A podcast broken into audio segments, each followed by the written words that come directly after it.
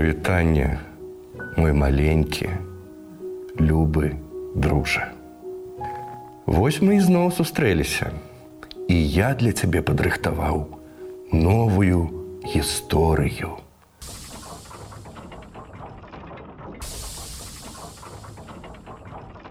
Зіма гэтым разам выдалася такая снежная, што вожык амаль не выходзіў са сваёй хаткі. Сумна, вядома, было вось так вось сядзець аднаму дома і ўспамінаць вясёлыя летнія дзянькі. Сумна было не бачыцца са сваім сябрам, зайцам. Але ж куды пойдзеш, калі снег заваліў не толькі дзверы, ты нават і акно хаткі. А выйсці вожыку ўсё ж прыйшлося. І здарылася гэта адным зімовым вечарам, калі на вуліцы бушавала моцная завіруха.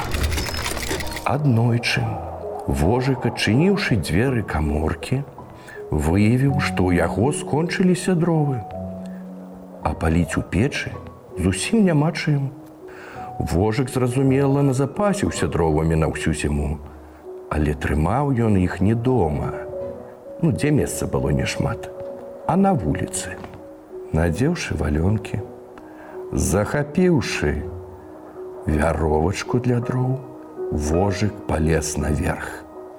Выбрацца зімой з дому можна было толькі праз верхні лаз, які выходзіў на вялікую галінку елкі. На вуліцы ўжо цямнела. Вецер дзьмуў так моцна, што незразумела было, ці гэта зверху ўніз падае снег, ці знізу ўверх. Саскочыўшы ўніз, вожык адразу ўграз па самыя вушы ў снезе. Ну і справы, разгубіўся ён. Як жа я цяпер дарогу знайду? Як бы гэта зусім не заблукаць у такой завеі, выбраўшы кірунак, смелый звярок пачаў капаць снег, прабіраючыся да дроў.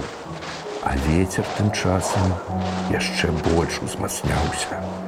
Цяпер ужо зусім нічога не было відаць, ні неба, ні зямлі, адно толькі белая кружалка. Вожык ужо пачаў турбавацца. Паводле яго разлікаў ён даўно ўжо павінен быў дабрацца да сцірты дроў, але яе ўсё не было. Вожык паспрабаваў капаць у іншым кірунку, але ніякіх вынікаў. Ні дроў, ні хаткі, ні елкі. Стала крышышку страшна. Але тут вожык успомніў, што заўсёды можна вярнуцца назад па той самай дарожцы, па якой і прыйшоў. І ён рушыў у зваротным напрамку. Але не паспеў вожык прайсці дзесяці крокаў, як дарожка скончылася. Яе снегам проста замяло. Ой, занерваваўся вожык і пачаў думаць, як жа яму дадому вярнуцца.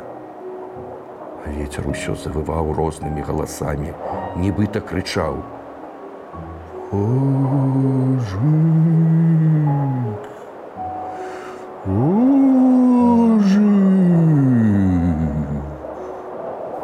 Прыслухаўся вожык. А не ветер жа гэта так шуміць. А нібыта хтосьці яго кліча. Я тут, Я тут, я заблудзіўся ў снезе, закрычаў вожык, што было сілы і стаў падскопаць, каб убачыць таго, хто яго клікаў. Але нікога не было відаць. Галасы станавіліся ўсё гучней гучней. Вожык, ідзі хутчэй да нас, Мы цябе выцягнем, крычаў чысці знаёмы голас. Іду, іду, адказаў вожык, прыбіраючыся кудысьці, але куды ён не адыходзіў, галасы ўсё ж такі сціхалі. Вожык спыніўся, агледзеўся, але нікога не ўбачыў. Ожык, ідзі да нас. Зноў пачуліся галасы недзе побач. Ты дзе ж вы? Дзе вы? Я вас не бачу! Крыкнуў разлаваны вошак. Ой, да ты ўніз глядзі, уніз! Данесліся да яго словы. І сапраўды, як толькі вожык пагледзеў уніз, то убачыў пад сваімі нагамі агеньчык.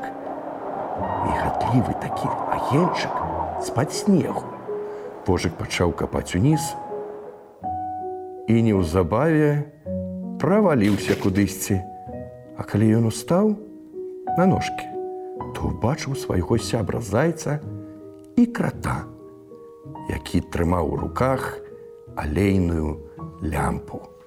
Ух вожык, ну вожык, А мы ўжо думалі, што ніколі да цябе не дакрычымся, з палёгкай сказаў заяц. Мы цябе знойдзем, і ты зноў кудысьці знікаеш. А мы ўсё крычым, крычым, крычым. А я і нічога і не зразумеў адразу. усміхнуўся вожык, які вельмі ўзрадаваўся сустрэчы з сябрамі. А я і зараз не разумею, дзе я? Вожык агледзеўся, і ўбачыў вялікі туннель, выкапаны проста ў снезе. Ён ішоў кудысьці далёка-далёка. Уверсе відаць было маленькае акенца, праз якое праваліўся вожык. Акенца хутка заносіла снегам. Ну, як табе нашае стварэнне? З гонарам у голасе спытаў заяц. Угу. Здорово. Класна. Шчыра прызнаўся вожык. А што гэта? Ой, гэта ты лепш у крата спрасі. Гэта яго задумка. Ад гэтых слоў крот, быўшы вельмі сарамлівым, пачырванеў да самага кончыка носу. Ну, тут няма нічога асаблівага справіўшыся са сваёй збянтэжанасцю загаварыў крот. Усе краты ўмеюць капаць тунэлі, А мяне неяк так запалкі скончыліся. Я вырашыў да зайца схадзіць. Ну і пракапаў ход пад снегам.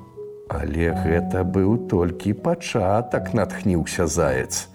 Потым мы разам пашырылі ход, пракапалі яго да дома барсука, потым да вавёрак, а потым усе разам сталі капаць у твой бок. Вожык прыгледзеўся і заўважыў, што ўвесь тунэль усеяны мноствам вялікіх і маленькіх адтулен лазаў, якія разыходзяцца ў самых розных накірунках да хатах лясных звяроў. Неўзабаве Уся нашая паляна стала карыстацца падснежным тунелем, працягваў заяц. Тут і не холодна, і ветру няма. Можна ў госця дзен да аднаго хадзіць. Выдатна ж. Здорава, прашаптаў вожык, які ўсё яшчэ не мог ніяк паверыць у такі цуд. Заяц яшчэ доўга штосьці расказваў, а крот ужо пачаў капаць далей. Ён працаваў хутка і ўмела. Вожык пайшоў за ім. Ён ніяк не мог зразумець, як гэта крот арыентуецца пад зямлёй. Крот усё капаў і капаў. То паглыбляючыся ўніз, то паднімаючыся ўверх. Ну вось. Тупік. Нечакана сказаў крот далей ніяк пэўна не прабярэмся. Нехта заклаў праход бярвеннямі. Вожык і заяц, які нёс цяпер ліхтар, наблізіліся да таго месца, на якое паказваў крот. Дык гэта ж мае дровы, усклікнуў вожык. Як выдатна, што яны знайшліся.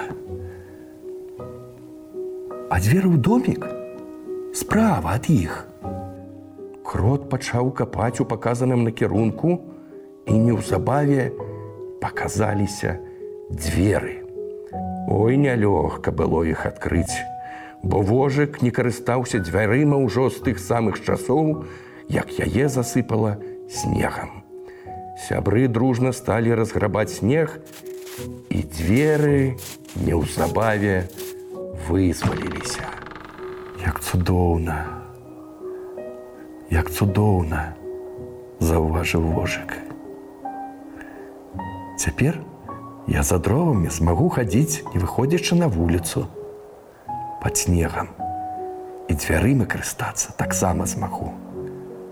А галоўнае, да сяброў у госці хадзіць можна. Зіма ж яшчэ не хутка скончыцца.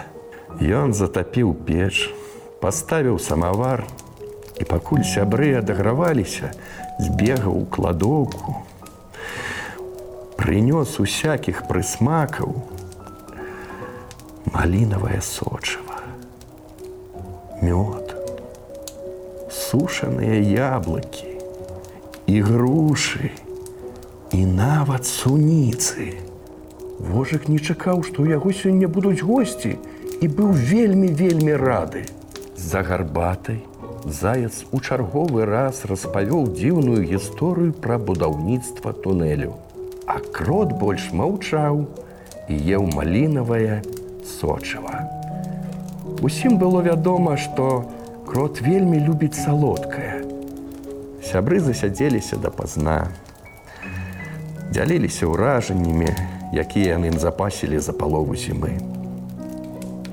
На вуліцы ўжо даўно сцямнела. Але гэта іх зусім не турбавала. Бо цяпер можна было лёгка і бяспечна, не баючыся ветру, марозу, сцюжы, дабрацца да хаты па падснежным ходзе. Да хуткіх сустрэч, да пабачэння!